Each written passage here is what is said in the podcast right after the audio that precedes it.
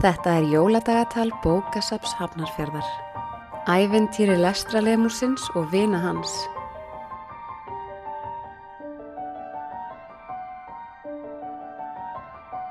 Vinirnir trítla um og heilsa upp á hestana. Þeir eru eitthvað döfir í dampin og lestralemurinn spyr þá hvers vegna þeir séu svona daprir.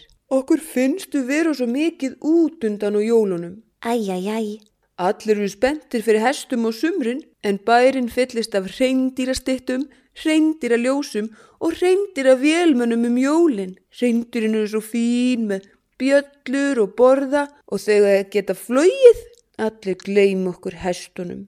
Það er nú leitt að heyra. Hvernig getum við glatt ykkur? Sko, sko það væri rosalega gaman að komast aðeins út í smá reyðtúr. Já, heyrðu! Við ætluðum einmitt að kvalir af vatni. Bókasafniði hafnað fyrir þið týndist í jarðskjáltunum og okkur grunar að það sé komið þangað. Helskan mín, nei, nei, nei, ekki fara kvaleri vatni núna.